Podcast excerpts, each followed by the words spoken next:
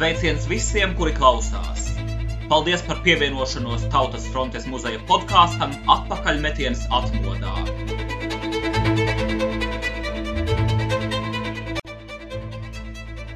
Šīs dienas epizodē diskusijas Albertvila un Barcelona tu aizrāvi man elpu, dalībnieki atcerēsies. Kā 1988. gadā atjaunoja Latvijas Olimpisko komiteju un kā sākās Latvijas sportistu atgriešanās pasaules sportistu saimē, kā un kāpēc sportisti lēma par startēšanu Latvijas komandā, nevis Neatkarīgo valstu savienības komandā. Sarunu ciklu trešā atmoda 1992. gads no pašiem pamatiem Tautas frontes muzejs 2022. gadā veido sadarbībā ar Konrāda Adenauvera fondu.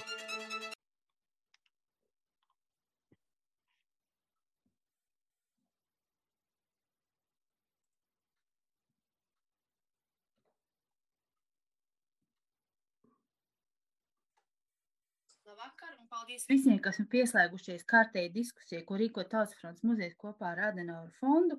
Un šīs dienas tēma varbūt būs mazliet neparasta mūsu parastajām, vairāk politiskajām tēmām.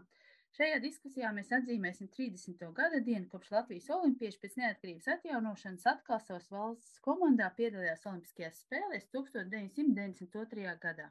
Kā jau ierasts, ceļavārdus teiks Dainis Sīvāts. Paldies, Anna! Labvakar, godāta auditorija, labvakar, eh, godātie sarunas dalībnieki.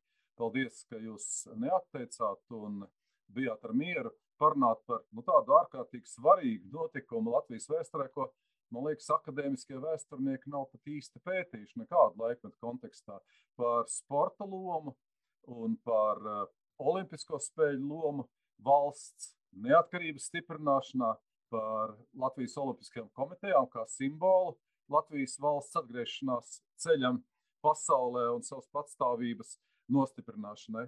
Uz šīs dienas sarunu ir lūgti jau klātesoši uh, pazīstams sporta žurnālists Antolijas Kreipāns, Svarcēlājs un, un, un, un vēl dažādas sporta veidu pārstāvs Raimons Bergmanis. Uh, Jānis Čipurs, ko mēs, bobslīsts, ko mēs labi atceramies no šī pārejas perioda, kurš startēja PSRS izlasē Un mēs tā kā jutām līdzi latviešu bobslēgstiem. Tā pašā laikā es atceros, piemēram, skatoties hokeju, kur spēlēja arī Balderis. Vismaz manas paudzes jaunieši juta līdz visām komandām, kas spēlēja pret krieviem, pret PSRS izlasi. Uh, un uh, cerams, ka pievienosies arī mūsu nu, varētu teikt, sporta balss, vismaz no manas bērnības, un daudz pauģu sporta balss. Tas ir Gunārs Jakobsons, jau vien zūms neizspēlēs atkal kādu niķi. Liekas jau šodien pēc barbariskiem Krievijas kārtiem uzbrukumiem Ukrainai, ka varbūt ka mēs nerunājam ne par to, ka varbūt nav runāt, vērts runāt par sportu, bet varbūt arī šis ir veids, kā mēs pierādīsim to, ka dzīve neapstājas šo Krievijas draudu priekšā, ka mēs dzīvojam savu dzīvi, ka mēs gribam būt joprojām patstāvīga valsts un ka arī sportam un mūsu sportistiem ir ārkārtīga nozīme no tādai valsts un nācijas pašlepnuma stiprināšanā. Sarunu kā parasti vadīs eh, Mārtiņš Kaprāns. Un lūdzu, Mārtiņ, es tagad vārdu nododu tev.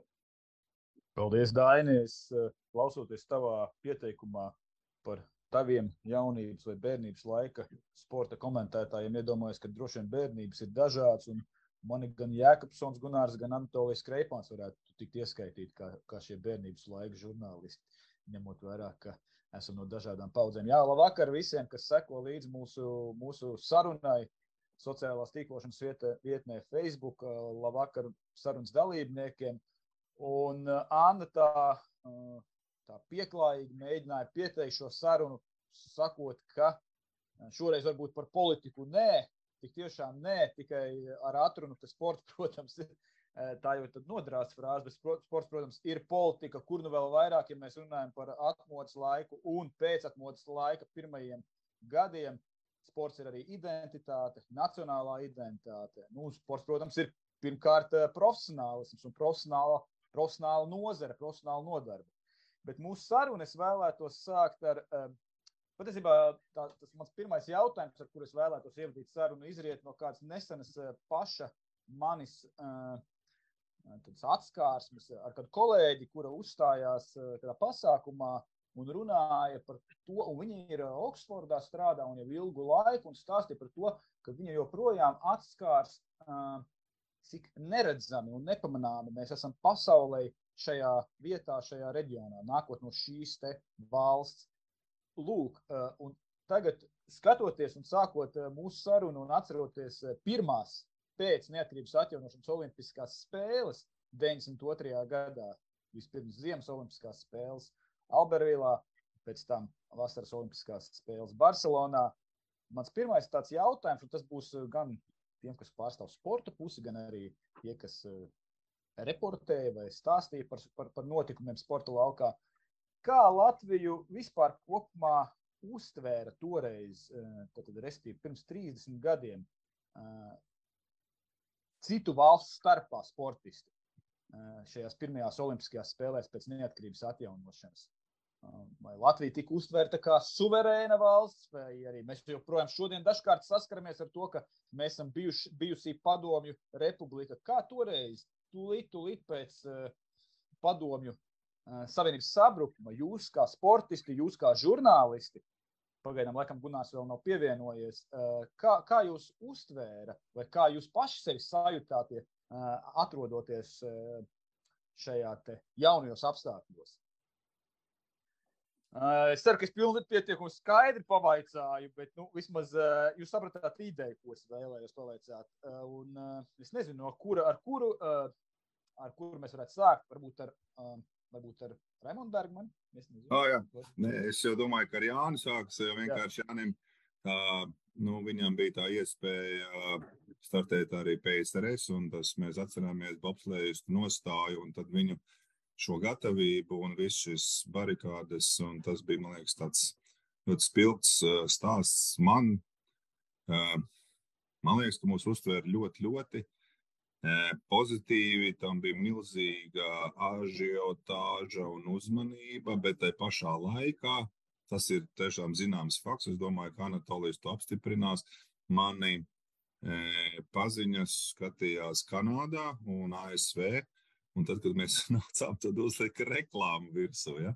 Uh, nu, tas tiešām tā bija. Bet, nu, labi, tā reklāma droši vien tur nebija tik ilgu laiku. Bet, uh, Bet, nu, ieejot tajā stadionā, protams, ka viss stadions piecēlās kājās, un tas bija tā atgriešanās sajūta. Un, un to, jā, viņu varēja spilgtināt, protams, kas izdevās vairāk varbūt Lietuvas izlasē, jo komandas sporta veidi vienmēr uztverās kaut kā labāk. Nu, kad komanda pārstāv, mēs zinām, jā, nu, jebkura komanda, jebkurā sporta veidā, tad viņa tā komanda ir kaut kā redzamāka, tur arī ir mazāks to dalībnieku skaits. Un šie individuāli panākumi, viņi nu, varbūt nav tik izteikti spilgti. Un, nu, ja, nu, protams, tas nav kaut kas tāds, kas ļoti ir populārs tajā sporta sabiedrībā kā tādā. Un, protams, ka mums būtu bijis cerība, ja mums būtu sava komanda, bet, protams, pārstāvēja šī Nacionālo valstu savienība, ja pareizi kā tas abreviatūra saucās. Neatkarīgo, jā, neatkarīgo, jā, neatkarīgo valstu savienību. Un mēs, un, nu, man personīgi bija ļoti grūti, jo tās bija manas otrās sacensības ārpus padomju savienības. Es biju aizbraucis uz Eiropas čempionātu, nostartēju, kvalificējos olimpiādē Un uh, burtiski pēc četriem mēnešiem braucu Olimpiskām spēlēm un ar savus valsti. Tās emocijas, protams, kad mēs satikāmies nepazīstami cilvēki, lielākā daļa sportistu no dažādiem sporta veidiem pie brīvības pieminēja šīs uzrunas, šis, un tas tautas pacelājums, kas bija arī šis atbalsts no, no tik daudzām uzņēmumiem, kompānijām. Uh, nu, viņš bija neaprakstāms. Tā sajūta bija tāda, protams, ka tu aizbrauc nezināmajā. Un, eh, un tiem cilvēkiem, jā, es nezinu, kā viņi uztver, bet tas mans personīgais stāsts ir ļoti interesants, kā vainojās man domāšana. Jo mēs jau bijām, nu, tiešām, kā arī šeit minēja Dainis un droši vien arī Jānis un Anatolis, mēs augot tajā padomu savienībā bija tas olimpiskās spēles, nu, tie, kas bija ar sportu saistīts, tas likās, nu, pats, pats nu, ko tu vari sasniegt savā dzīvē. Un, protams, ka arī tas audzināšana, ka tu vajag tās medaļas tikai tur. Un, ja tev nav medaļā, tad nu, tu neesi nekāds klases klases sportists. Un tā domāšana jau arī mūsos bija ieaudzināta. Es arī izcīnīju PSRS junioru čempionu titulu, bet netika pat uzņemts PSRS izlasē, jo bija no šī reģiona. Bet nav būtiski par to. Bet, bet tas spilgtākais, ko es gribēju varbūt šobrīd klausītājiem arī un skatītājiem pastāstīt, kad es izcīnīju nu, 14. vietu. Man bija tas gods nest karogu gan atklāšanas pasākumā, gan arī noslēgumā. Un ap mani pulcējās, protams, daudz valstu labākie sportisti, kas lielākā daļa arī bija izcīnījuši kādai medaļai. Un tad tāds tā kā drūmi nostājas stāvi, un ka tu esi it kā slikti nostartējis. Un tā meitene, kas nes to plāksnīt ar tavas valsts nosaukumu, viņa pajautā, nu, kā tev jums gāja. Un es saku, nu, tādā diezgan neveiklā situācijā. Nu, man ir pārāk 14. vieta. Un tad notika manī tas pagrieziens, jo viņai bija oh, 14. vieta Olimpijādē. Un tad es sapratu, kāda ir šī pilnīgi savādākā domāšana mums un viņiem. Un, un tas man ir palicis ļoti, ļoti spilgt atmiņā. Tas ir tas, bet uztvēre, es domāju, mums ļoti, ļoti pozitīvi. To mēs sajūtām Olimpiskā ciematā. Un, nu, tas, tā, tas cilvēku Bet, protams, ka tajā laikā jau tur bija arī citi. Tas bija Samaranča pilsēta, kur bija Barcelona, kur viņš nu, pēc ilgiem laikiem beidzot atkal tie, tie visi boikoti bija politiskie beigušies. Tiešām viņas bija, es, ja man ir jāsaka, es, protams, neesmu bijis tajās nākamajās. Ļoti daudzējās bija vēl divās, bet man jāsalīdzina, cik es dzirdu no cilvēkiem, tad tās bija vienas tiešām no vislabākajām spēlēm. Viņas bija tādas tiešām caur to sportu, caur organizāciju, lai gan Ja mēs ir tomēr tā politiskais arī stāstījums tur. Šis basku jautājums un šis drošības jautājums arī atstāja uz mani personīgi ļoti lielu, ļoti lielu ietekmi. Bija grūti apjaust, un tā, kad tu pie Olimpiskā ciemata redz bruņmašīnu ar lielkarību rožmetēju, nu, arī tādas nu, sports un, un, un, un drošība tādā veidā. Laipni lūgt Eiropā. Uh, jā, un, un, bet uh, es tiešām man likās, man, mums jau vien pašiem ir diezgan sarežģīti to izstāstīt. Jo mēs jau bijām tajā iekšā, mums tas likās, un vēl jau vairāk man personīgi otrās sacensības, un, protams, visas pasaules zvaigznes tur redz beidzot tūmā. Un tā skaitā arī tajā reizē bija tas pirmo reizi, bija tas amerikāņu Dream Team basketbolā, ap ko arī bija milzīga ažiotāža visās tajās spēlēs. Nu, līdz ar to, bet es domāju, ka mums tiešām izdevās ļoti veiksmīgi atgriezties, arī izcīnot šīs medaļas. Ļoti... Bet, tikai viens precizējošs jautājums, pirms mēs pārējos sarunu dalībniekus iesaistām. Jums tajā brīdī, kad jūs nesāt karogu, bija, cik, jūs bija, cik jums gadi bija tajā brīdī? Man ir ļoti viegli atcerēties. Man tajā dienā bija tieši dzimšanas diena. Oh, à, tad jūs bija ļoti vecāks. Tieši man dienā. bija tieši, man tāpēc es saku, man ir ļoti spilgti. Es pat zinu, tas ir 25. jūlijas. Tātad tajā dienā es nesu šo karogu, un tad man palika 26 gadi. Labi, iesaistīsim tad pārējos dalībniekus. Ķipru kungs, jūs man dzirdat? Dzirdu labi. Aha, jā, nu es jau te uh, Bermaņa kungs tad plaši un gari izstāstīja. Varbūt jūs arī varētu padalīties savā sajūtās, jo tik tiešām kronoloģiski skatoties, jūs jau bijāt paši pirmie. Un arī pat varbūt ņemot vērā to gatavošanās posmu un relatīvi īso laiku, kas jums bija Kā jūs atceraties eh, Albervilā, kā jūs eh, sajutāties? Jums tomēr arī bija tā starptautisko maču pieredze daudz, daudz plašāka, bet tomēr tā bija pilnīgi cita situācija. Pareizi. Jā, nu man druskuļi. Eh, pussolīti jāpakāpjas atpakaļ, jo tā visa Albervīlas vēsture jau sākās pusgadu, gadu faktiski, un pusgadu tā pa īstam pusgadu pirms Olimpiskajām spēlēm. Jo nu, mēs, Latvijas bobslēgs, mēs bijām tajā brīdī, kā saka, zirgā. Mums bija jau olimpiskās medaļas izcīnītas. Un 91. gadā mēs bijām nu, faktiski pirmie, kuri atteicās no dalības PSRS izlasē pēc notikumiem Lietuvā un paziņojām, ka mēs šo, šo valsti, šos, šos simbolus nevaram vairs pār, pārstāvēt. Un tad uh, bija tā situācija, ka mēs PSRS izlases, nu, PSRS izlases esam atteikušies, bet uh, paši ar Latvijas karogu vēl nedrīkstam piedalīties sacensībās. Mēs mēģinājām tajā pašā ziemā, pavasara pusē, kad pasaules čempionāts notika Vācijā. Mēs, Latvieši, steigā mums, mums palīgi uz šo jakas ar uzrakstu Latvija, Latvijas simboliem, un mēs autobusā paši braucām uz, uz savu roku, uz Vāciju, uz Altenbergu, runāt ar Startautisko federāciju, lai mūs pielaiž sacensībās. Mēs to visu izdarījām, bet uh, viņi bija ļoti laipni. Tikai viņi teica, nu, mēs notikumiem pa priekšu politikai neskriesim. Uh, pat nepielaida mūsu individuālā kārtā piedalīties sacensībās. Bet eh, preses un, un uzmanība televīzijas rādio bija pat lielāka, man liekas, nekā par čempioniem. Jo tas bija kaut kāds sensacionāls notikums, ka Latvija ar savu karogu, ar saviem eh, simboliem ieradusies pasaules čempionātā. Visi bija pieraduši, ka mēs esam zem SSSR, CCCP. Jā, nu, tā tad viņi mums neatļāva. Bet uh, apsolīja, ka tiklīdz uh, politiska situācija atrisināsies, tā mēs drīkstēsim piedalīties starptautiskās sacensībās. Vasarā tā situācija ļoti strauji atrisinājās. Mēs saņēmām uz, uh, uzaicinājumu braukt uz Olimpiskajām spēlēm. Latvijas Olimpiskā komiteja šo uzaicinājumu saņēma. Tātad sportisti mēs gatavojamies Olimpiskajām spēlēm. Un atlicis ir pusgads Nu, un, protams, stresā visiem tas bija stress. Bija jāizlemj, kā gatavoties, ko, ko darīt, kā vislabāk sagatavoties. Tas bija gan Olimpiskai komitejai ar visām organizatoriskajām lietām, un sportistiem tāpat. Nu, piemēram, es, es jau biju saka, nopelniem bagāts sportists, un man gribējās sevi atkal parādīt, bet tajā pusgadā pirms tā paziņojuma ka mēs drīkstam braukt uz spēlēm. Es eh, trenējies nebiju, jo man bija skaidrs, ka nu, eh, no PSRS ir atteikts, atteikušies esam, tātad nekādas dalības sacensībās nebūs, nu nav motivācijas trenēties. Un tad augustā pēkšņi šī iespēja parādās, un tad nācās stresā gatavoties, lai pēc iespējas labāk sagatavotos. Un manā situācijā tas slikti beidzās. Es traumēju kājas muskuli, un pēc tam vēl divas reizes, un tieši Olimpiskajās spēlēs trešo reizi.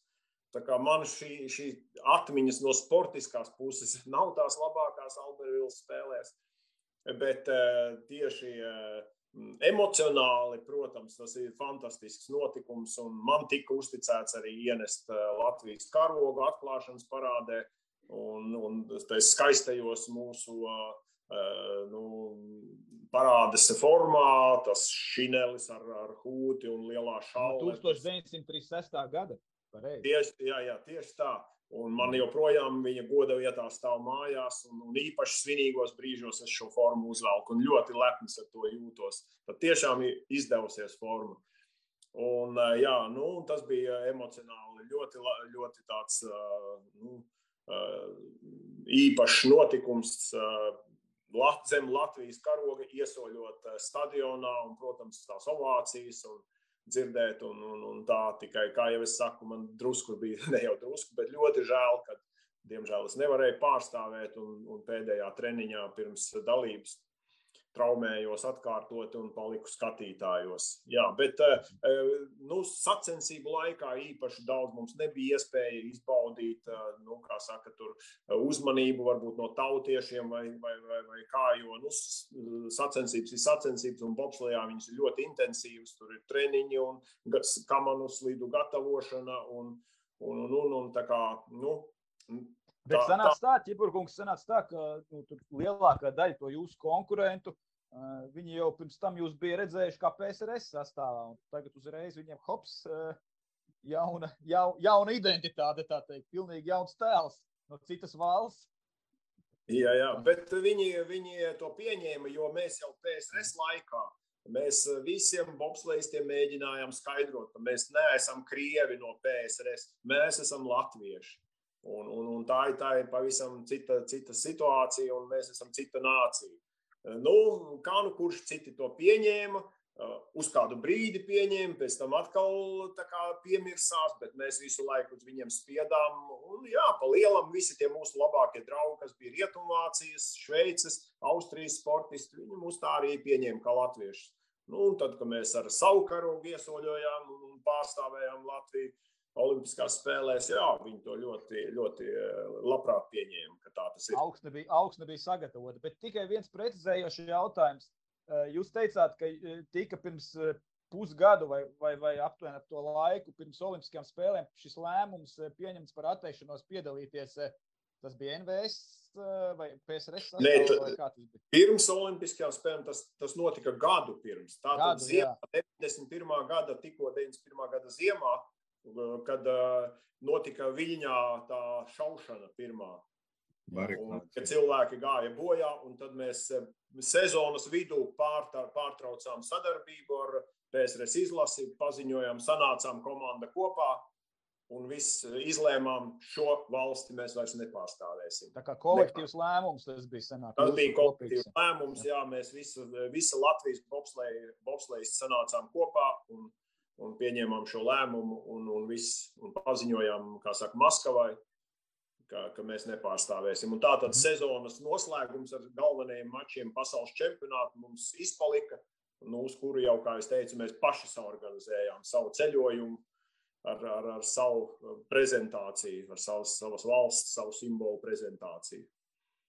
Paldies! Un tad, uh, Krepāna kungs, jūs arī varētu varbūt, padalīties, kā jūs atceraties nu, šo pašu sākumu un to, cik redzami vai neredzami jums kā žurnālistam likās Latvija ir šajos jaunajos apstākļos.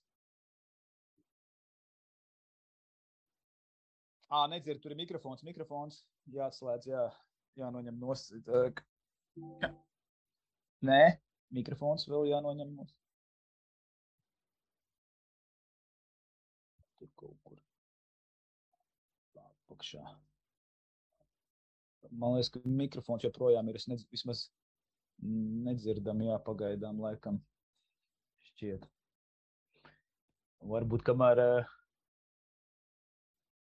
Jā, kamēr, kamēr tur mēģina atmūķēt vaļā, mēs varam turpināt ar kaut ko.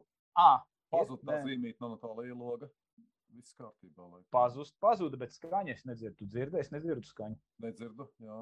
Jā, jā, jā. skaņa jau nedzirdu. Ja arī pazudusi, tas varbūt ir kaut kas ar datoru saistībā, es nezinu. Labi, bet kamēr varbūt tur atrisināt tehniskās uh, problēmas, mēs varam turpināt uh, runāt par eh, citām lietām un atgriezties arī atpakaļ pie tā jautājuma, ko es uzdevu arī Anatolijam. Jā, jau Ciprkungs pieminēja šīs formas, kas arī, starp citu, es minēju, ka sports ir politika, sports ir identitāte. Lūk, sports ir identitāte un vēsture. Jo šīs formas tik tiešām bija kā tāds nepārtrauktības simbols. It kā turpinot to stāstu, kas bija beidzies 36. gadā ar tieši tādām pašām uniformām, ne uniformām, bet formām. Un, un, un man īstenībā, es saprotu, ka to bija dizainējis tā laika Latvijas vai nu, šo mūsdienu Latvijas Bruno Birmans, ja kaut kur lasīju. Jā. Tas šo te bija. Nu, teikt, no es, ļoti radošs un interesants pieejams.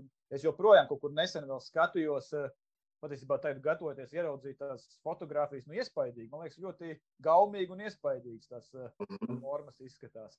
Ja es varu piebilst, man liekas, Jānis, mēs neesam prasījuši ziemas sportistiem, bet vasaras sportistiem mums uz spēlēm tika izdotas uh, no Lielbritānijā, Latvijas vēstniecībā vēl saga, saglabājušās pases Latvijas Un mēs ar, šām, ar šīm pasēm braucām. Tās bija tādas brūnas, man viņa ir mājās saglabājusies ar visu. Nu, lūk, tieši, tā, tieši tādas pašas pastas bija unikāli, jo tiešām viņas bija Latvijas starpkara perioda Latvijas pases, ar kurām mēs braucām uz šīm spēlēm, ar visu to, ka tur es atceros, pat bija tāda acu krāsa, augums un viss cits lietas tur bija minēts. Un šīs pasas bija tādas tiešām brūnas un tādas ļoti biezas, kvalitatīva papīra. Un mēs pēc tam ar tām pasēm diezgan daudz ceļojām apkārt, un uh, mums ar viņām varējām braukt. Tāpēc uh, šī arī bija viena ļoti būtiska tāda politiska lieta, kas visā tajā stāstā, kas, ko mēs jau minējām ar Jāni, ļoti labi ierakstījās. Un mēs tiešām lepojamies, un tiešām es viņu saglabāju, un man viņa, es domāju, saglabāsies. Un attiecībā uz formām mums arī bija ļoti skaistas formas. Un tiešām, un uh, nu, es arī drusku savādāk rīkojos. Bija šeit skolai bija simts gadi, un tad es savu formu devu savai skolai, kur es beidzu, lai viņu muzejā būtu arī šāda forma. Pareklamējiet, kura skola tā ir? Rīgas 49. vidusskola, tur muzejā stāv mana olimpiskais forma. Un, uh, es arī atdevu jaku no 2000. gada olimpiādas, kurā arī pārstāvēju sevi un valsti. Un, um, un, un, jā, bet šīs pasas bija tiešām, es atceros ar kādu tādu diezgan interesantu sajūtu. Es viņu turēju rokās un, un Un vēl interesantāk bija tajā, ka viņi tā kā starpkara periodā 30. gadi, un viņā bija ielīmēta krāsaina fotografija. Un tas atkal bija tā ļoti šo laiku tāds, tāda simbioze, ka tas nāca no tā laika. Un tiešām gan šī forma, un es tiešām bija ļoti liels gandarījums skatīties Ziemassvētku spēļu atklāšanu Albervilā par to, to formu. Tas dizains tiešām bija vienreizējs skaists un, un simbolisks un tāds tiešām kas pilnīgi lika sajusties to atšķirību varbūt no tā, kāda mēs bijām un kāda mēs vēlamies būt no tā laika, kad mums bija jānēsā tāda drusku cita stila formas. Bet eh, runājot par pašu gatavošanos eh, Olimpiskajām spēlēm, es tomēr gribētu arī no šīs varbūt nedaudz patīkami poetiskās eh, puses pieskarties arī šķēršļiem un grūtībām ceļā uz Olimpiskajām spēlēm. Uh, nu, kuras, kas bija? Es saprotu, ka pirmkārt Albervilā tas bija šis ļoti īsais posms sagatavošanās, bet nu, Latvijas valdība jau arī tik, tikko ir izcepta. Ja? Nu, tur ir pusotras gads pagājis, var teikt, pēc, pēc tādas faktiskās neatkarības atjaunošanas. Cik, cik finansiāli uh, atbalstīta bija Latvijas Olimpiskā vienība vai nu, Olimpiešu Latvijas? kas startē šajās pirmajās Olimpiskajās spēlēs, vai bija nodrošināts viss nepieciešamās lietas un, un, un, un vajadzības, neskatoties to, ka pat bija īsts laiks, lai sagatavotos. Ķipurkungs, varbūt jūs šoreiz. Nu, man precīzas informācijas nav, cik daudz tās naudas bija, bet mēs noteikti nebijām prasīgi. Ko mums atvēlēja, ar to mēs samierinājāmies. Tās galvenais jau bija tā ideja. Mēs, mēs gatavojamies mūsu Olimpiskajām spēlēm, spēlēm, kurās mēs pārstāvēsim beidzot sevi, savu valsti. Un tiešām es neatceros, ka būtu bijušas kādas īpašas problēmas tajā sakarībā, ka kaut ko mēs nebūtu dabūjuši vai kādu apģērbu vai, vai varbūt treniņu nometni vai ko. Tas minimums eh, tika sagādāts. Mhm. Paldies, jā, mhm. gan valdība droši vien tur iesaistījās, Olimpiskā komiteja un varbūt arī sponsori bija jau uz to brīdi sameklēti. Tas minimums tika nodrošināts, eh, lai mēs sagatavotos un eh, piedalītos Olimpiskajās spēlēs. Es varu tikai piebilst to, ka tajā brīdī tas, tas finansējums bija kaut kā laikam sekundārs, jo tā vēlme un to cilvēku vēlme palīdzēt, radīt draugi, visu darīja, lai tikai mēs tur nokļūtu. Un, eh, jā, tās formas mums, es atceros, ka mums bija Adidas sponsors un bija tādas, viņas vēl dažas šobrīd ir saglabājušās mājās. Bet uh, tas brīdis eh, bija vairāk. Es domāju, tur neviens par to pat tajā brīdī tik daudz nedomāja. Visi gatavojās ar tādu atdevi tam brīdim, lai tu vienkārši tur varētu nonākt, ka tur Neviens neprasīja, kā mēs. Jā, mums bija sarežģīti, piemēram, mēs uz to pašu. Izstāstīšu godīgi, nu, tas cilvēkiem ir vēsture, lai paliek tas, ka mēs braucām Eiropas čempionātu, no kura tad varēja kvalificēties Olimpiskām spēlēm. Tas bija aprīlis vai maijs. Mēs braucām ar, kā tagad, vai varbūt arī barikāžu muzejā, es zinu, bija tur fotografēts daudz tie slavenie ikarusi. Ar tādu sarkanu ikarusu no Rīgas mēs braucām uz to Ungāriju uz Eiropas čempionātu un vienlaicīgi ņēmām līdzi dažādus instrumentus, instrumentu kastes, eh, kuras pēc tam tika tirgotas, lai mums būtu tā naudiņa, ja, un lai mēs varētu tur visādi startēt. Un tas tika tirgots un, eh, gan Ungārijā, gan Polijā, lai mēs nu, kaut kādā veidā arī būtu tās iespējas, jo dzīvojām Bet tas Eiropas čempionāts jau notika kā neatkarīgā. Ja? Tas bija kā neatkarīgā. Jā, jā mēs jau kā neatkarīgi Latviju braucām. Jā, kā neatkarīgi Latviju braucām. Mēs nevarējām atļauties viesnīcu oficiālā, kurā pēc tam bija viena diena, man liekas, oficiāli jādzīvo. Mēs dzīvojām motelī ar Ikarusu, ēdienas līdzi. Nu, tas, kas bija, bija, mēs tur neviens nesūdzējāmies, cik visi bija motivēti. Tas neviens negaidīja no svarcelšanas droši vien, ka divi cilvēki kvalificēsies uz Olimpiskām spēlēm. Un, un tās, jā, nu, tāda bija tā, tā dzīve tajā brīdī, un nu, tur neko nevarēja kurš mainīt. Otrs, kurš, kurš bija otrs, kurš kvalificējās? Tur bija Aleksandrs Žerepkovs no Daugaupils puika, un, un, un tad, jā, nu, tādi mēs divi kvalificējāmies, un, Un, jā, nu, tas nebija viegli arī man pašam. Es atceros tā situāciju, viņa varbūt nav bieži stāstīta, kad uh, ir kaut kāds laikam mēnesis, paliek līdz olimpiādas atklāšanai, tad apstiprina šo olimpisko komandu. Un tajā dienā, kad no rīta paziņoja, ka es esmu apstiprināts tajā komandā, un tad es devu vakar treniņš un ejam un tur vieglatlētīku un skrienot ieplīst kāja un trauma, un tad sēž vecāki blakus, visi raud un nevar saprast, nu, ka tas ir noticis. Tad, nu, daļai jau tas jāizstāst arī ir saistīts ar manu tēvu, kurš ļoti, ļoti gribēja, un es biju tā kā jau beidzis sportot, un tad es atgriezos ar viņu aicināt, kad mēs kļuvām neatkarīgi, vai es negribu atgriezties. Viņš vēl tajā brīdī mēs nedomājām, tad nebija pat iespējas vēl braukt uz olimpiādu, bet viņam kaut kā šo saulēcīgi uzaicināja Raimondu, vai mēs nevaram sākt atkal. Tas viņām bija milzīgs sapnis. Un, nu, jo viņš arī bija sportists un padomu laikos, un viņa laiks bija sarežģīts, jo viņš bija divs pasaules sportists, Žabatīns un Lasovs laikā. Viņš piecas reizes izcīnīja ceturto vietu padomu savienībā, bet nekad nevarēja pārstāvēt ārpus padomu savienības. Un tāpēc viņam arī šis emocionāli tētim bija ļoti, ļoti svarīgi. Tas, viņš, viņš bija viens no galvenajiem. Mēs bijām Svarcelšanas federācija, bija viena no, man liekas, sestā vai astotā, kas atjaunoja starptautiskajā federācijā savu dalību. Viņš bija viens no galvenajiem, kas ar to arī nodarbojās, pildot funkcijas kā ģenerālsekretārs vai pat prezidents. Tagad var kļūdīties.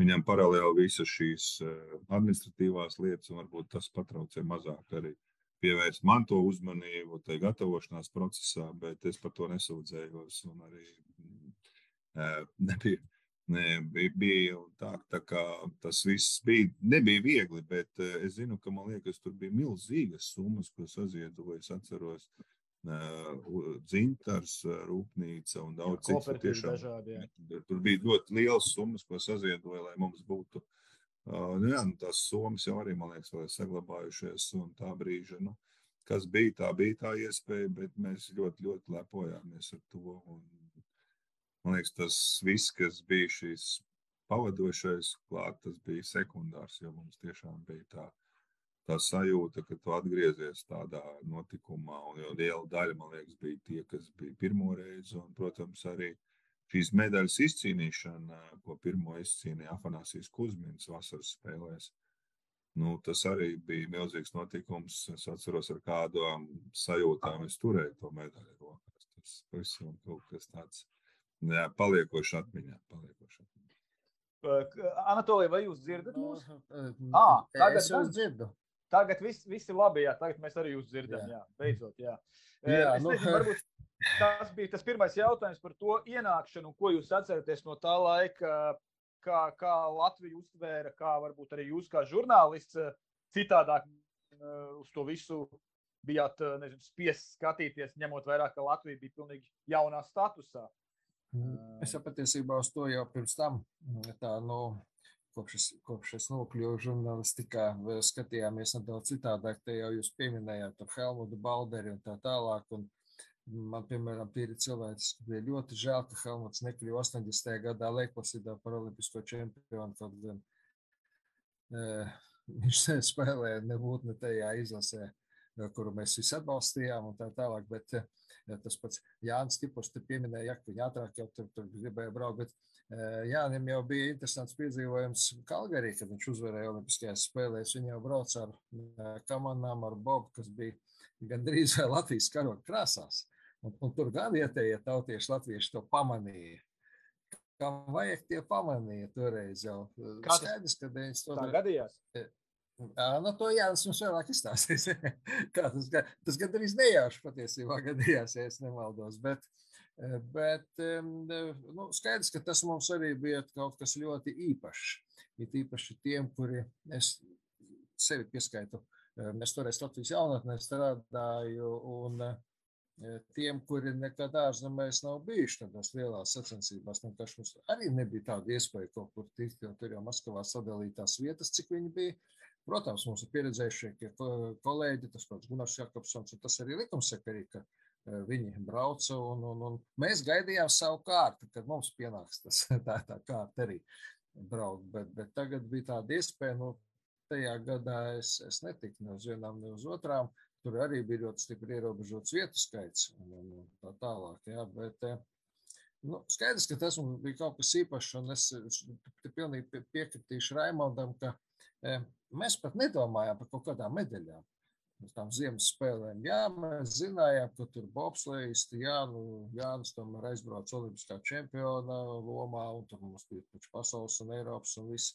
Mums bija daudz svarīgāks pats fakts, ka mēs tur piedalāmies. Un vasaras spēlēs, protams, tur bija nedaudz cita bilde, jo tur jau mēs, nu, zinājām, ka tas pats Kuzmins, tas pats Ivāns Klemeņķevs un nu, tur jau kādai medaļai mums jābūt. Bet eh, tas patiešām bija sekundāri. Bija pats fakts kā tāds, ka Latvija pirmo reizi kopš 36. gada, kopš Berlīnas eh, spēlēm, kopš, kopš nu, Garmiša Partankirchena, pirms tam arī 36. gadā ziemā, eh, pirmo reizi atkal ar savu komandu. Tas bija, nu, nu to tā grūti izstāstīt. Tagad tomēr 30 gadi pagājuši jau. Bet jūs bet, sakat, bet, jūs, nu, sakat, jūs, jūs, bija... jūs sakat, ka, ne, ka nevajad, ne, neviens negaidīja, vai ne, neviens, kas saka, neorientējās, ka obligāti jābūt šīm medaļām tajā pirmajā. Nu, mēs apmēram zinājām spēku samēru vairāk vai mazāk, un tad, piemēram, Biatlonā, man liekas, Maļuhins Oļivs, viņš, man liekas, 13. vietu ieņēma. 13. Jā, mēs visi bijām tādā sajūsmā, ka viņš medaļu būtu izcīnījis toreiz tajās ziemas spēlēs. Un kā man viņa braucēja tur desmitniekā, kas iebrauc arī, mēs bijām lielā sajūsmā. Jā, protams. Bet tas, ko Raimons pieminēja, šo tradīciju no PSRS, varbūt sporta, nu, nezinu, tieši tā. Pārmanto to domāt, ka e... vai nu visu vai neko. Nu, tā šad un tad arī tagad vēl izpaužas, ir īpaši, nu, Nu, Raimons ir nedaudz jaunāks par mani, bet principā mēs esam gandrīz viena paudze. Gan Jānis, gan, gan, gan es, gan, gan Raimons. Jānis nedaudz vecāks par mums, bet, bet tas kaut kur ik pa laikam nāk līdzi tik un tā. Nu, labi, mēs it kā no tā varbūt tikām galā, bet, bet tie, tie, es domāju, tie um, skatītāji līdzutēji, nu kā? Ja tu esi skaidrs, ka ļoti daudzos sporta veidos, ja tu tiec PSRS izlasē, tad tu esi gandrīz vai viens no favorītiem, pretendentiem uz medaļām. Tas ir loģiski. Te pašā sacelšanā kaut vai, jā, piemēram. Tur neviens nepieļāva domu, ka viņi nevarētu gandrīz visās svara kategorijās, nu, lielākajā daļā uzvarēt, un medaļām tas ir pats par sevi saprotams, visās jābūt. Citādāk tie nemaz netika komandā. Un tas tāds stereotips skaidrs, ka ar gadiem izveidojās. Nu, nu, jāpaiet laikam kādam laikam, lai no tā tiktu vaļā, jo, jo Mēs ar Vilni Baltiņu, ar toreizējo Latvijas prezidentu, reiz runājām, un patiesībā viņš tādu ļoti vienkāršu un te pašā laikā tādu ģeniālu domu pateica, ko es mēģinu arī šeit atcerēties, kad man kaut kas neapmierina, kā mūs ir nostartējuši. Ja? Viņš tā ļoti labi pateica. Viņš teica, labi, mums tad daži saka, o, tur kaut kā turisti, jūs tur brauc vēl kaut kas, tur kaut kāds 20, 30 vietas ieņem tiem cilvēkiem vajadzētu pajautāt, vai viņi savā profesijā ir pasaulē pirmajā trīsdesmitniekā.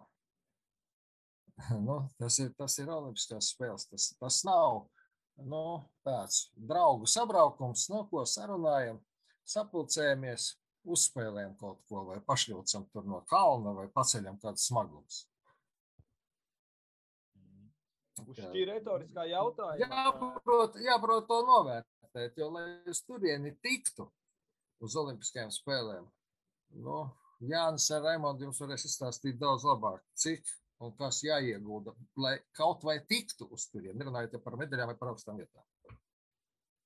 Ļoti labi, un tas arī varbūt man pārmet uz to nākamo jautājumu uh, par sportisko formu te, uz tām pirmajām spēlēm. Es saprotu, ka uh, sportisti paši apzinājās, un arī droši vien tie, kas organizēja, olimpisko vienību, kas brauks, pārstāvēs Latviju, apzinājās aptuveni to spēku samēru.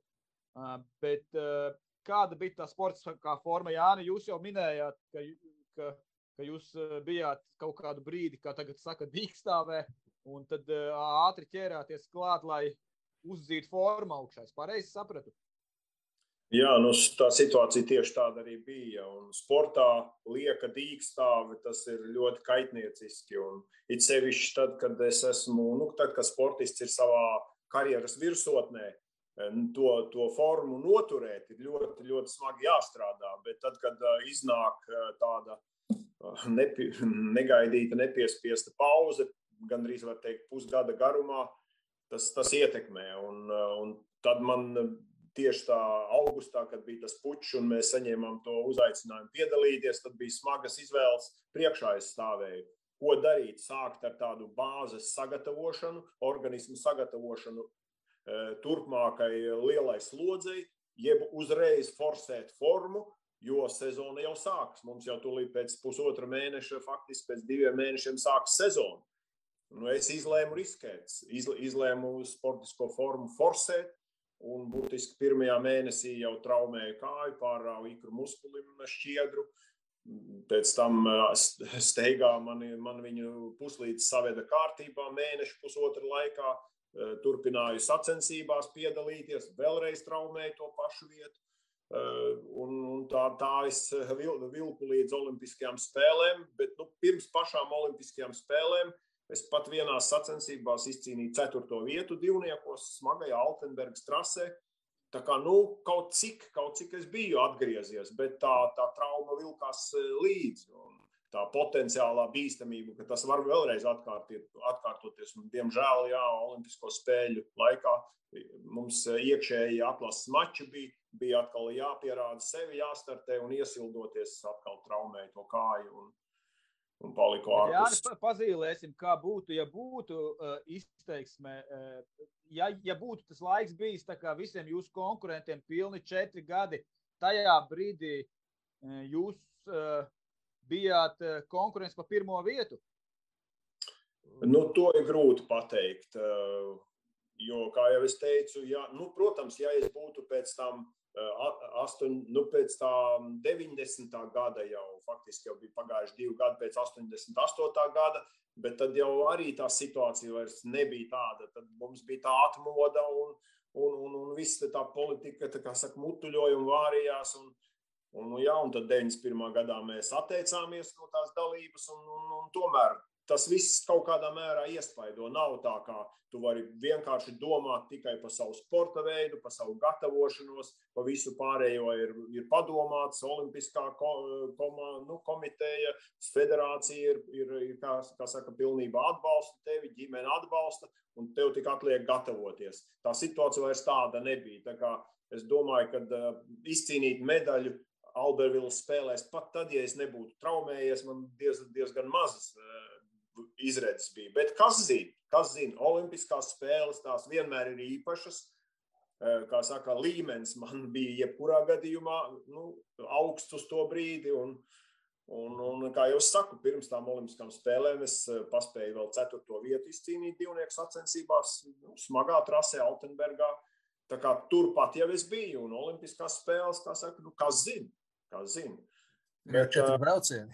notika tā, kā, jā, no, notika tā, kā notika, un, diemžēl, jā, tur tā, kā saka, pārāk tālu sapņot nav jēga. Raimond, vai, vai uh, vasaras olimpisko spēļu dalībniekiem nebija kaut kādā ziņā priekšrocība, ka viņi varēja nedaudz ilgāk gan patrenēties, gan arī redzēt, kā tas kā ir? Kopumā? Uh, nē, nu viennozīmīgi, ka mums bija priekšrocība kaut vai arī tas, ka cilvēki bija aizbraukuši jau kā neatkarīgi uz Olimpiskām spēlēm, kas saprata, kā tas viss funkcionē, jo arī šiem administratīviem darbiniekiem, ārstiem, visiem vajadzētu saprast vienkārši, nu, kas tas ir un ko tas nozīmē.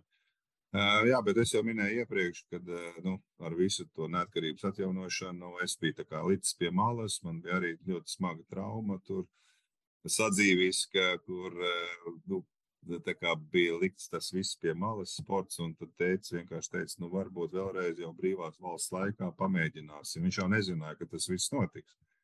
Un vienkārši es atgriezos tajā un daļēji, protams, kad pietrūka arī tas laiks, lai pilnībā atjaunotos, jo, nu, kā tas jautājums tika uzdots, ja, ja saliktos viss tas, nu, Tā kā nu, būtu bijis. Ja, to, kā es, būtu, ja būtu. Ja. Jā, nu, to, ko es biju iepriekš cēlis, ja, ja es būtu pacēlis tos iepriekšējos rezultātus kā labākos, nu, tad, jā, tad iespējams es būtu izcīnījis piekto vai sesto vietu Olimpijādē, bet tā nedrīkst nekad. Sa, sa, tā, tas nav, tas nav pareizi. Tā nedrīkst nekad darīt un, un, un nevajag tā darīt.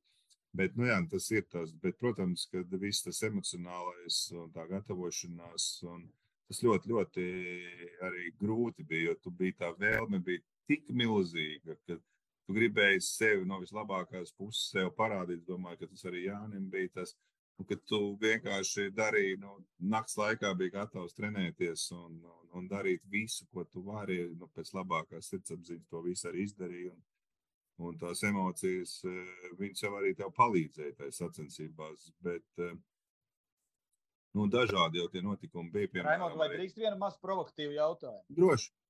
Jā, tie mūsdienu olimpi, olimpieši no Latvijas, vai viņiem uh, šī pati emocionālā teiksme ir, ir tikpat liela kā jums uh, 92. Oh, labs, uh, labs jautājums un diezgan grūti droši vien ir atbildēt. Tas viņiem, viņiem pašiem jāprasa. Bet Es varu runāt caur savu prizmu. Man tas ir bijis, un man šī draudzība ar dažādiem sporta veidu cilvēkiem no tās reizes ir palikusi uz mūžu. Viena no maniem labākajiem draugiem tagad ir cits sporta veidu pārstāvji, ar kuriem es iepazinos būtībā satiekoties pirmo reizi, kad šī komanda tika pulcināta pie brīvības pieminiekta.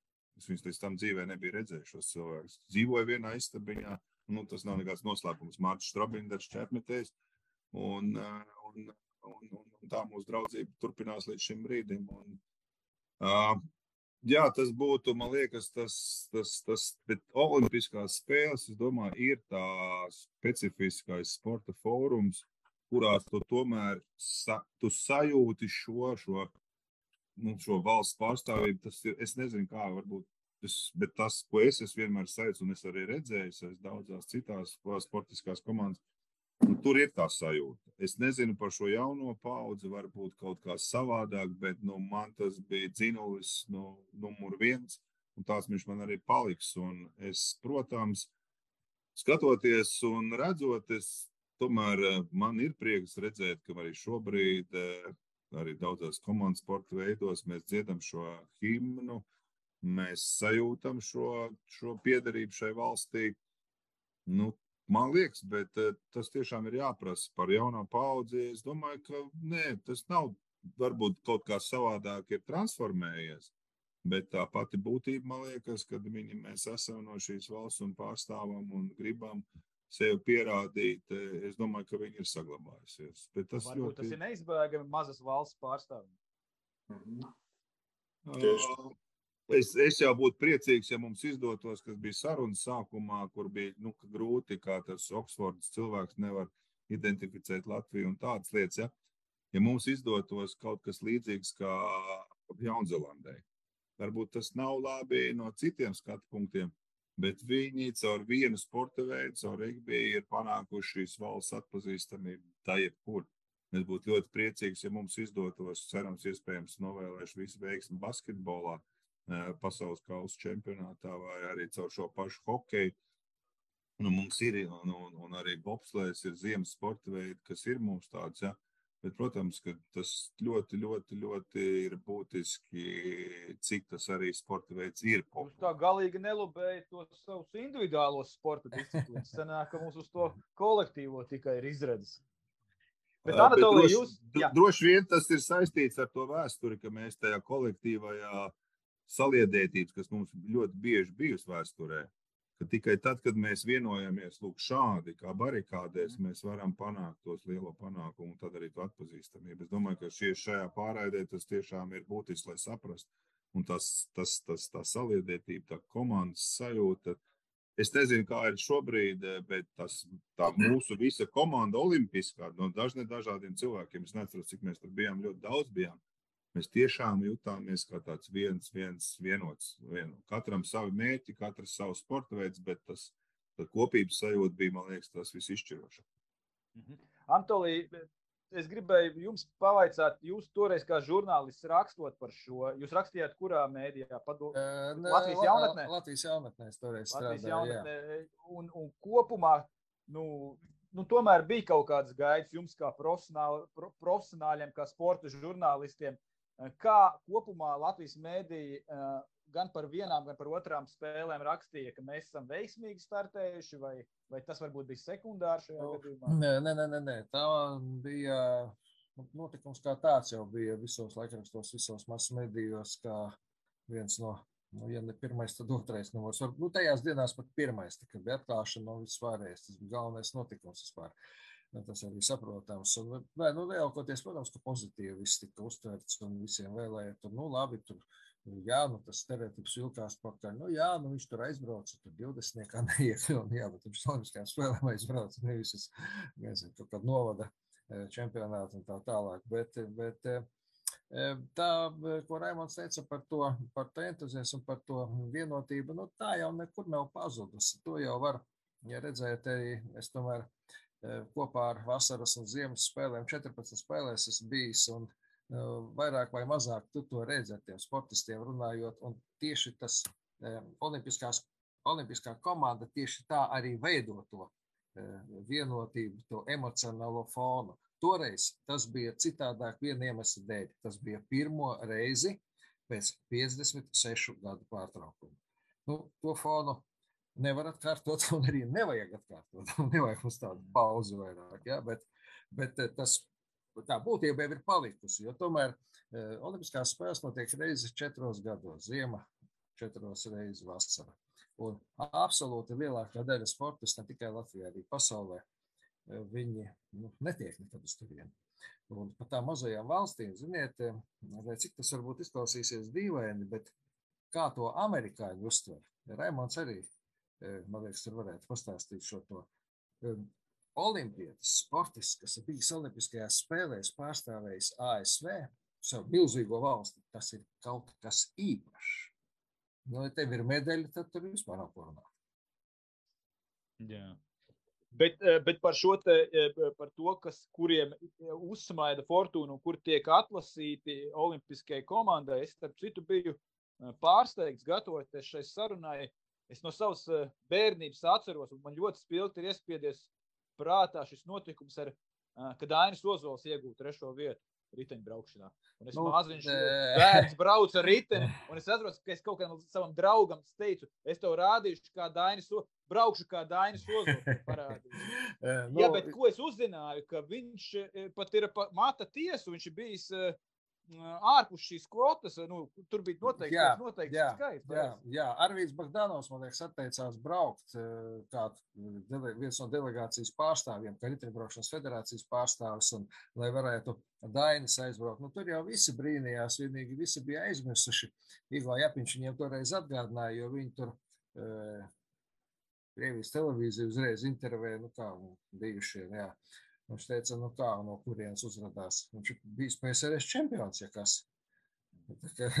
Kāpēc viņam no kaut kurienes jāuzrodas? Nē, nu, Dainim tur arī interesants atmiņas par to visu. Mēs apmēram pirms gada varbūt nedaudz vairāk vēl atcerējāmies visus šos viņa piedzīvojumus par, par, par, par to olimpiādu. Viņš bija tajā, nu, zem sarkanā karoga. Es šaubos, vai viņš būtu kādreiz ticis olimpiskajām spēlēm. Šeit viņš tika un un, un, un, eh, un aizbrauc. Redz, pat atlases ir tā, ka mēs jau patiesībā uz tām spēlēm, uz abām tikām, nu, es nezinu, trīskāršā izņēmuma kārtā. Jo tur eh, Samarančam laikam jāpateicas pirmām kārtām par to visu, bet tā laika saka prezidentam, jo eh, visi termiņi jau sen bija beigušies. Pilnīgi visi. Un, un, un cik tev tur tās vietas iedalīja, tik tev iedalīja, un tu brauc, ja, jo 92. gads jau gada sākumā jau ziemas spēles, un mēs tikai vasarā tikai, jā, es jau stāstīju, kad tikai kļuva zināms augustā kaut kad, jā, laikam, ka mēs drīkstam piedalīties, nu tad tur mūs iebiedīja mūsu Lietuvu un Igauniju, nevis pēdējā vagonā, bet uz pēdējā pakāpienā, pēdējā vagonā. Jā, lai, lai mēs tur tiktu, lai, lai, lai, lai viss notiktu. Un tāpēc tur tāflas, protams, varbūt nevienmēr bija objektīvi. Es nezinu, es to virtuvi tā tik, tik labi nepārzinu no tā laika. Bet kaut kā nav nācies dzirdēt tādus nu, kategoriskus argumentētus apgalvojumus, ka vajadzēja braukt tam, nevis tam. Nu, paši sportisti droši vien labāk ir šis fantastiskais stāsts par Jānu Hermanu. Ja? Jā. Par uh, vietālas uh, zemnieku. Zemnieku, jā. jā. Bet tas ir arī, es domāju, vesels tāds, uh, ne, ja ne gluži filmas cienīgs, bet nu, ka un 50 km pēc tam uh, noslēpta. Nu, tur jau tā lieta, ka tu, tie slēpotāji, kurus daži kolēģi uh, apsaukāja par turistiem, arī vēlākajās spēlēs, kas brauca. Nu, ja nebūtu viņi regulāri piedalījušies, varbūt mums arī nebūtu tāds Patricijas ēduklis šodien. Nu. Mm. Arī tā varēja notikt. Nu, nu, nekas jau nenotiek uzreiz. Mm. Bruģēt ceļu nākamajai paudzei. Protams. Bet ja es gribēju. Jā, ja es drīkstu piebilst vienkārši par Anatoliju teikto, jo tas, man liekas, arī būs skatītājiem interesanti mm. par šo nozīmību amerikāņiem kā olimpietis. Es tad, kad es biju trīs, vai nedaudz vairāk kā trīs gadus par aizsardzības ministru, man ļoti bieži sanāca tikties ar kongresmeņiem. Viņi daudz biežāk runāja un prasīja man par olimpiskām spēlēm, nekā par tiem jautājumiem, par kuriem man vajadzēja tajā brīdī ar tikšanās laikā runāt.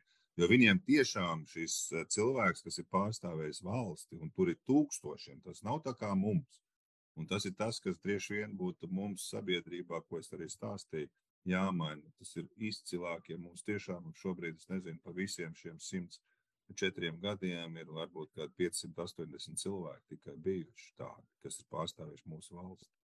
Un tad mums tiešām vajadzētu ar tādiem lepoties un, un priecāties, jo to jau cilvēki pat nevar iedomāties. Un, un tad, kā jau Anatolijs teica, ja tas vēl, bijis uz vairākām olimpiskām spēlēm, tas ir vispār ļoti, ļoti reti, kad notiek pasaulē.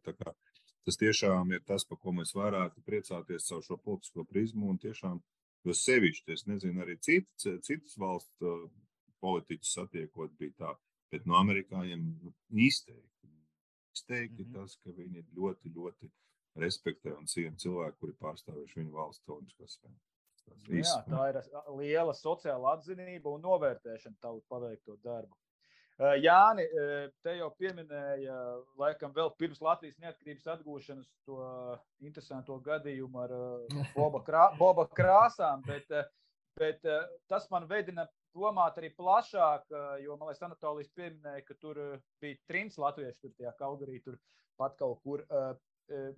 Cik liela vispār bija un nozīme, vai cik nozīmīgi bija bijušās tajā laikā jau trimdas latviešu loma šajās pirmajās Olimpiskajās spēlēs. Ir tas stāsts par Kārli Ulli, kurš bija kā, met, ārsts, nezinu, kā būtu pareizāk viņu saukt uh, Olimpiskajās spēlēs. Bet varbūt uh, jūs varat atcerēties vēl kaut kādu stāstu par to, kā trimda iesaistījās ne tikai kā fani, bet vēl kaut kā citādāk atbalstot pirmās Olimpiskajās spēlēs dalību. Nu, vispirms runājot par bobsleja kamanu krāsu Olimpiskajās spēlēs Kalgarī, tas nebija nejauši. Visu sezonu mēs startējām ar koši sarkanajām kamanām, koši sarkanā krāsā virsū CCCP. Bet nu, pirms Olimpiskajām spēlēm kamanas tiek sagatavotas vēlreiz, tiek pārkrāsotas, kā saka, novestas līdz kondīcijai. Un tieši tās tajās pāris nedēļās pirms Olimpiskajām spēlēm, nevienu neinformējot mūsu me, mehāniķi, VFA, kā manas bija izdomājuši pārkrāsot Latvija, Latvijas atpa, atpazīstamības krāsās. Jā, tās sarkanais tonis nebija gluži tas karmīna krāsas, bet, bet tas krāsu salikums, tās, tās trīs zvaigznes – uz aizmugurējiem rokturiem tie bija acīm redzami simboli. Tās kamanu, kamanu krāsojums sarkans, balts, sarkans, trīs zvaigznes. Tas bija ļoti uzkrītoši, un ārzemju latvieši to uzreiz pamanīja, un, un mums par to izteica vienkārši sajūsmu par to. Jā, no nu, Kalgarī tāda interesanta nianse varbūt pirmo ziedu klēpi es saņēmu no Toronto latviešiem, atgriežoties no 4. brauciena, no, no, no, no, no uzvaras brauciena mm, no bobsleja trases atpakaļ Olimpiskajā ciematā, ieeja savā istabiņā, un tur ir milzīgs rožu klēpis uz mana galda un, un vēstulīt iekšā. Kanādas, tātad Toronto latviešu apvienība mani sveic ar latviešu tātad ar, ar, ar to olimpisko čempionu titulu.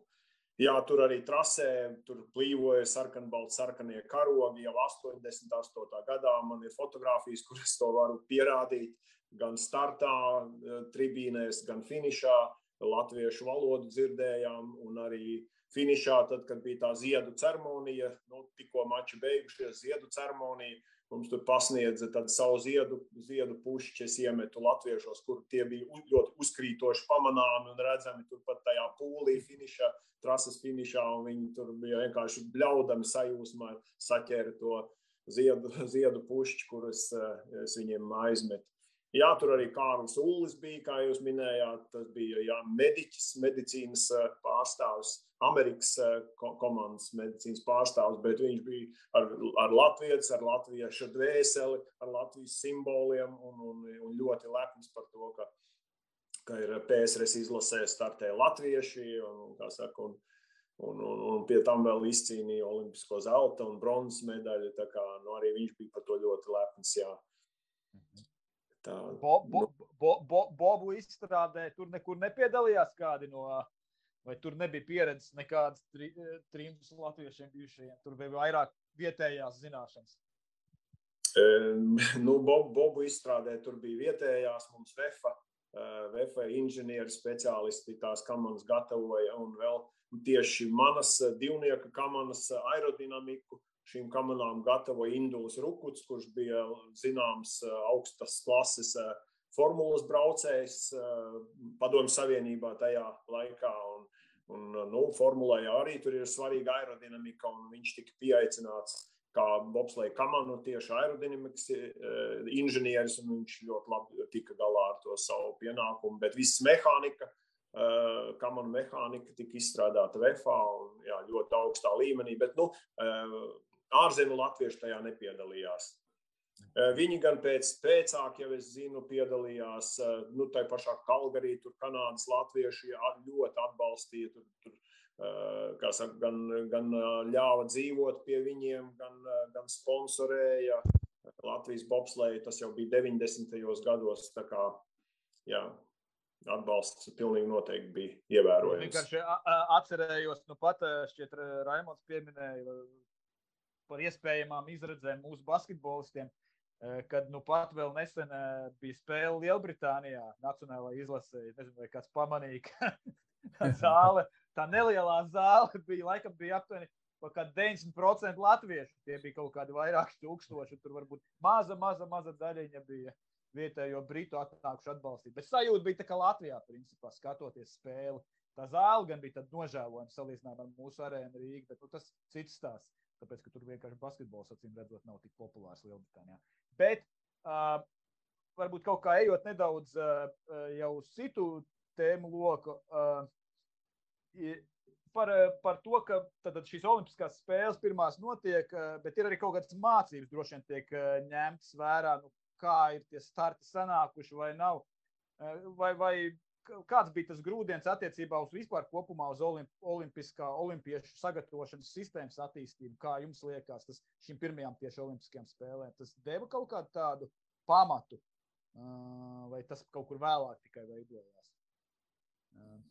Nezinu, kuram būtu Anatolijas vai Nē, nu, pēc tam jau tika izveidota gan olimpiskā vienība, tas, kas parādījās un kas vēl funkcionē līdz šim brīdim uz nākamajām Olimpiskām spēlēm. Un tad arī šī gatavošanās bija pavisam, nu, es runāju par sevi, tad, tad arī nākamā 96. gada bija mans labākais sasniegums, un, un kas ļāva to arī, un tad arī ieviesa šīs Prēmēšanas sistēmas, kas 97. gadā parādījās sportiski augstu sasniegumu valsts. Prēmēšana vēl nebija pirmajās, pir, pirmajās Olimpiskajās spēlēs. Man liekas, ja es nezinu, Anatolija, man liekas, ka nē. Es... Nē, es neatceros. To tur jāprasa, jāprasa medaļniekiem, jāprasa apmācījām vai, vai. ja, man liekas, ka nebija, nebija, nebija vēl. un, man liekas, ka ievies, man liekas, viņas ar 2000. gadu, man liekas, kad uh, Igors izcīnīja šo uh, zelta medaļu pirmo reizi. Tad uh, ievies, man liekas. Bet es varbūt šodien varu kļūdīties. Tāda tā situācija bija, jā, bet tā sistēma, protams, kad viņa aizgāja, sāka sistēmiskāk gatavoties, visi saprata, kas tas ir, ko tu gribi izcīnīt. Un ikvienā sporta veidā, lai gan ar visu to mums nu, vasaras sporta veidiem 96. gadā Atlantas spēles, ja nebūtu bijušas Ivana izcīnītā sudraba medaļa, tad laikam būtu vienas no tādām neveiksmīgākajām pēc neatkarības atjaunošanas. Bet tas viennozīmīgi deva milzīgu grūdienu visu sporta veidu attīstībā, un izpratne par lietām mainījās ļoti strauji. Un arī palīdzības formas, un kā valsts varētu iesaistīties, un no valsts vīra puses, un atbalsts, un tā tālāk. Un tā tālāk. Tā kā tādā sistēmiskā pieeja tas viennozīmīgi mainījās. Un, nu, es domāju, es, man grūti spriest, varbūt vairāk tur var par ziemu, bet Nu, vasarā viennozīmīgi šī sistēma bija labāk izstrādāta, bet nu, nevar jau vienmēr vēlēties tos rezultātus. Jo uh, daļa to sportistu, kas startēja 92. gadā, tiem vēl bija šīs padomju PSRS izlases, gatavošanās, visas programmas un cikli, kur mēs arī tiešām cerējām un kur mēs ieguvām šīs medaļas. Un tad tas sāka zust, šis atbalsts, šīs iespējas. Protams, nebija tik kvalitatīvas, nebija tik apjomīgas.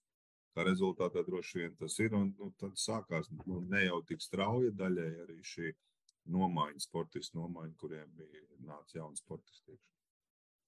Jā, kā, kā bobslēja ietekmēja Albervils uh, spēles?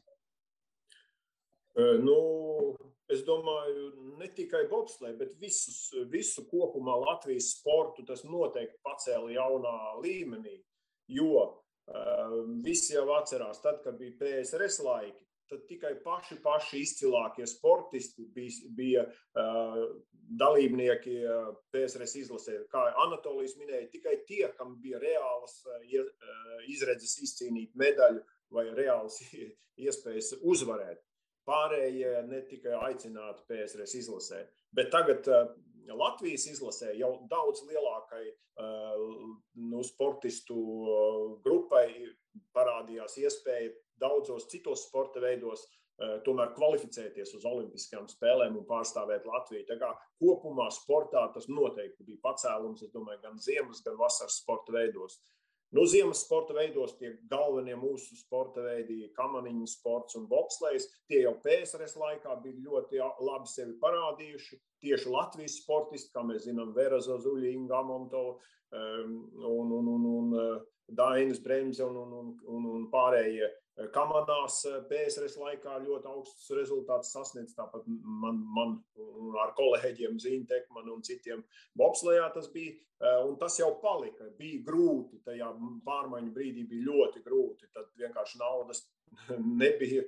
Un, un, un, saka, bet eh, bobslēgs izdzīvoja un kamaniņas izdzīvoja. Saka, paldies Dievam un, un paldies entuziastiem Eh, kas, kas to, to izvilka cauri tam grūtajam periodam visam, un, eh, un tās tradīcijas saglabāja. Un, un mums ir atkal čempioni, mums ir atkal medaļnieki gan bobslejā, gan kamaniņās, un tāpat jā, arī skeletonā. Tā kā nu, tie mums ir tie, tie dzinēji sporta veidi, eh, ziemas sporta veidos, bet arī vasaras sporta veidos, kā mēs zinām, piedalās diezgan daudzos sporta veidos Latvijas sportisti Olimpiskajās spēlēs. Tā kā kopumā tas noteikti bija pacēlums un, un, un iespējas, galvenais iespējas lielākam sportistu skaitam piedalīties Olimpiskajās spēlēs. Un kā, kā jau mēs minējām, pa, pati piedalīšanās Olimpiskajās spēlēs tas jau ir īpašs notikums katra sportista dzīvē. Es šai sakarībā varu pieminēt, ka nu, Facebookā man ir ļoti, ļoti daudz draugu bobslēstu un tur eh, nu, čempioni vai, vai medaļnieki ir tikai viena neliela daļa. Lieluma lielākā daļa ir tie, kas ir tikai piedalījušies Olimpiskajās spēlēs, un viņi ļoti lepni par to. Viņiem ir visur klāts savai, savai kā saka, fotografijai stāv burtiņi Olī. Tas nozīmē olim, olimpietis. Un olimpietis tāds, olimpietis tāds, un viņi ar visu to lepojas, un, un visi viņus ciena par to, ka ka viņi ir dalībnieki Olimpiskajās spēlēs. Viņi varbūt netika pat desmitniekā vai divdesmitniekā, bet viņi ir dalībnieki. Un tā kā Anatolijas minēja, jā, tas ir, tas ir ļoti, ļoti prestiži. Un, protams, eh, gribas eh, sportistiem pašiem, eh, tiem labākajiem izcīnīt medaļas, gribas. Un uz to jau tiek strādāts. Un arī mūsu sporta sabiedrība gaida no tiem izcilākiem sportistiem tās medaļas. Bet, kā saka, nu, to nedrīkst pāriet to robežu, kad tā kā PSRS izlasē, kad, kad vērtība ir tikai medaļām. Tik tālu mēs nedrīkstam no, nonākt, jo, kā jau mēs iepriekš runājām, nu, sasniegt to līmeni, lai sportists varētu kvalificēties Olimpiskajām spēlēm. Tas jau ir milzīgs, milzīgs darbs. Gan sportistam, gan viņa apkalpojošam personālam, medicīnai, valsts atbalstam un tā tālāk. Un, un, un, un tas jau ir prestiži. Mm. Uh, Antolī, jūs varbūt kaut ko vēlējāties piebilst? Nu, Jānis tādu ļoti labu punktu jau pielika praktiski ar, šo, ar savu secinājumu. Man pat, patiešām nav ko piebilst. Un, un, un arī, arī mēs masmediji, kas braucam no, nu, mēs arī jūtamies kā tāda šīs olimpiskās komandas sastāvdaļa. Ja? Un vienalga, vai tu brauc pirmo, piekto vai septīto reizi, tas ir īpašs notikums, jebkurā gadījumā. Man noteikti. Varbūt kādam no kolēģiem tas tā nav. Man tas vienmēr ir bijis īpašs notikums. Būt zem, zem, zem šiem pieciem apļiem. Ziemā vai vasarā tas principā nav. Bet, bet, bet, bet, bet, bet, bet, bet es kaut kā, kā no vienas puses būtu labi, ja mēs varētu šajā brīdī beigt sarunu, bet es gribētu tomēr vienu nērto jautājumu vēl iemest. Un tieši jums, Antolī, jūs tomēr kā sporta procesu arī analizētājs, uh, Mm, nu, nevar runājot par pirmajām olimpiskajām spēlēm, nevar apiet jautājumu par, eh, ko jau pieminēja laikam sarunas sākumā par NVS un par mūsu atsevišķu sportistu dalību NVS Jā. olimpiskajā komandā. Eh, mēs varam dažādi, protams, runāt, bet eh, vai vispār ir nepieciešams, vai mēs spējam objektīvi šodien, kad mēs varam būt kaut kādā ziņā neitrāli vai jau 30 gadus pēc, izvērtēt šo soli no, nu, kā individuālu soli no konkrēto sportistu puses. Mhm. Cik tas ir attaisnojams vai neattaisnojams? Nu, jā, mums bija basketbolisti, kas mums vēl, man liekas, ērēšanā bija. Neceros, Seši kopā bija. Laikam. Seši bija, jā. Oh, es pat nedomāju, ka tik daudz. E, ziniet, e, nu, toreiz tā reakcija bija ļoti saprotama, tas negatīvā un vispārējais, un tagad arī viņa tāda īpaši pozitīva nav, bet redziet, es kaut kad Vasarā bija arī Igor Miglnieks saticies, viņš bija atnācis uz rādio ciemos, viņš bija atnesis tā laika akreditāciju NVS, un tur bija uh, virsū rakstīts Latvija. Un tiem, kas bija NVS komandā, visiem bija rakstīts, no kurienes viņi nāk. Vai tam bija kaut kāds sakars ar tā laika olimpisko komiteju, un tur vajadzēja kaut ko saskaņot, es nezinu. Jo paši sportisti saka, ka bez loka atļaujas nebūtu pārstāvējuši NVS komanda. Nebūtu viņam tāda iespēja. Vai tā ir taisnība? Nezinu. Ne, nevar apgalvot. Tas jāprasa nu, citiem cilvēkiem. Bet eh, es, es neticēju, ka viņš teica, nu, ne, tas ir to atnes, viņš parādīšu. Viņš atnes man to tā laika akreditāciju no 92. gada un parādīja. Tur bija rakstīts Latvija. Nu, tāpēc objektivitāte tā ir, kā ir. Kā mēs varam uz to tagad paskatīties. Ja? Bet skaidrs, ka visiem tas bija un arī tagad ir. Mēs, protams, nevaram garantēt, ka ja viņa būtu mūsu olimpiskā komanda, tāpat kā Lietuva būtu piedalījusies, bet tas, ka mūsu izredzes tur tik būtu daudz lielākas, par to es nešaubos. Bet eh, kā jums liekas, vai viņu, viņiem kā individuāli, kā katram kā sportistam, šis solis kaut kā ir ietekmējis viņu, es nezinu, profesionālo, profesionālo trajektoriju, karjeru? Par tiem četriem pārējiem es nezinu, bet, bet basketbolistiem Gundaram noteikti nē. Viņam jau bija līgums ar NBA eh, klubu. Viņam tas galīgi neko neietekmē ne uz vienu, ne uz otru pusi. Nu, Igoram grūti pateikt. Igors jau bija Olimpiskais čempions 88. gadā. Galu galā, Gundaram, kurš tagad ir mūsu sieviešu izlases galvenais, treneris. Jā, un Igors strādā Ķīnā. Man liekas, jau mina komandā. kas pieder tam ķīniešu slavenajam basketbolistam. Bet, Bet, bet es domāju, ka negatīvi noteikti neietekmēja. Vai ietekmē pozitīvi? Nu, Gundaram tur nebija ko ietekmēt. Viņš nospēlēja tur. Viņš atgriezās no Ziemeļamerikas. Viņš bija viens no labākajiem tā laika čempionīgā, vai kā viņi sauc, ja, savā pozīcijā. Nu, varam tā karjera arī bija pietiekami laba. Bet tad tur sportiskā ziņā es domāju, ka neietekmēja. Vai kā citādi ietekmē, nu tas viņiem pašiem jāprasa. Jā, nu es nezinu, droši vien es varētu pāradresēt tikai nedaudz citādāk Jānim un Raimondam šo jautājumu par kolēģu uh, vērtēšanu. Es nezinu, bet uh, vai, vai, vai nu, galu galā jūs jau katrs arī ar kaut kādiem NVS sportistiem droši vien trenējāties kopā kaut kur tajā laikā. Es nezinu, vai trenējāties vai netrenējāties. Varbūt bobslējā vairāk tas bija iespējams vai nē.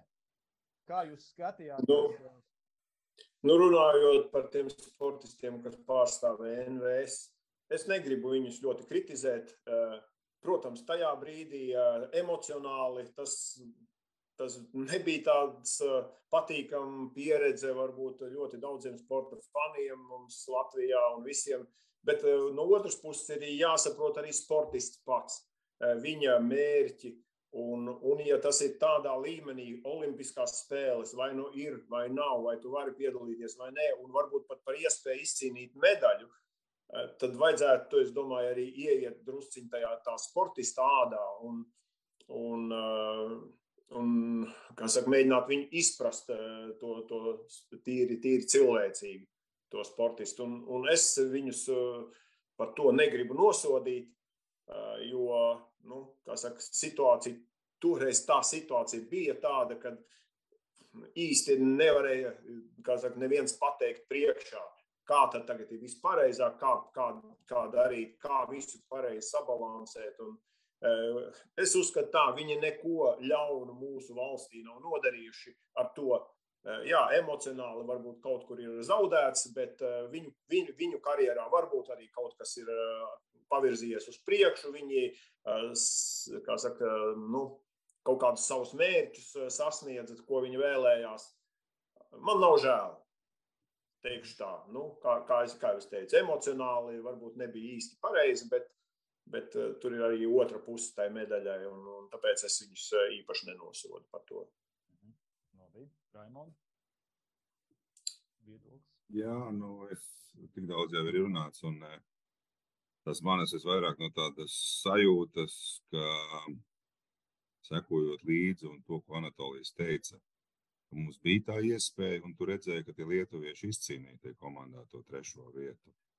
Un tas bija tas emocionālais. Ar savām. Grateful Dead formām. Jā, ar visām jā, tām batikote, batikotajām, batikotajiem tērpiem. Mēs gājām kopā ar viņiem. Nu, ciematā vienmēr uzvēlētās komandas, kad ir ieradušās. Uh, Un es redzēju viņu tās svinības, es biju blakus, es to visu redzēju. Tas vienkārši varbūt ir tā sāsināta, kā Jānis teica, emocionāli to uztvert. Un, bet es tiešām nebūšu tas, kas šobrīd tur varētu izvērtēt, vai kā to cilvēku pieņemt tos lēmumus. Tā ir viņu. Un, bet tas emocionālais bija, un mēs, arī, mēs bijām arī uz to spēli. Man liekas, tieši spēlēja Lietuvieši. Ar NVS viņa spēlēja trešo vietu. Jā, jā. Ar trešo vietu. Un tur bija viņiem tāds Karelins, nu, slavens divkārtais vai trīskārtais Olimpiskais čempions cīņā. Un viņš tur bija pie tās komandas, un mēs bijām tajā stadionā. Tagad droši vien to nevar redzēt. Man ir zosāda arī. Ja? Un nu, tad jums ir skaidrs, par ko mēs vairāk atbalstījām tajā brīdī. Tur jau, man liekas, pilnīgi visiem ir skaidrs. Un, un tas tajā brīdī būt klāt tajā visā, un tad tu, tas saka tas caur to emocionālo prizmu, ka Man jau varbūt, ka mēs spētu izcīnīt tās medaļas, bet tas būtu kaut kas līdzīgs tam. Jo tas ir tas viss, tas 92. gads, viņš ir uz emocijām balstīts, un tāpēc tas viss ir daudz spilgtāk, sāsinātāk, uztverams. Un mums tas uh, bija nu, tā, ka varbūt tie cilvēki, kuri bija tajos pēcreiz izlasēs un jau bija braukuši ārā un kaut kā papiedalījušies, viņiem tas drusku savādāk. Bet tu, ka tajā brīdī tiec no tā, tā 56 gadu dzelzs priekškara ārā vispār un kaut kur tādā nonāca. Tas viss, tas emocionālais, viņš tiešām paliek tajā sirdī, es novēlu, lai visiem tas būtu. Un, man liekas, es piekritīšu arī Anatoliem arī šobrīd.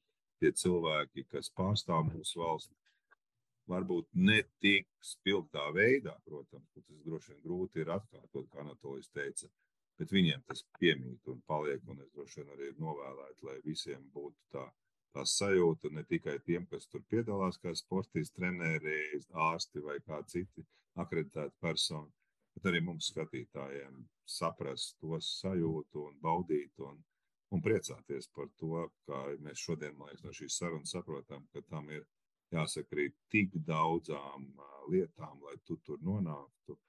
Kad ir tik daudz tūkstošiem sportistu, desmitiem, simtiem tūkstošu sportistu, kas nekad nenonāk Olimpiskās spēlēs. Tāpēc, man liekas, spēsim apjēgt un novērtēt tos mūsu cilvēkus, kas ir pārstāvējuši Latviju šajā spēlē.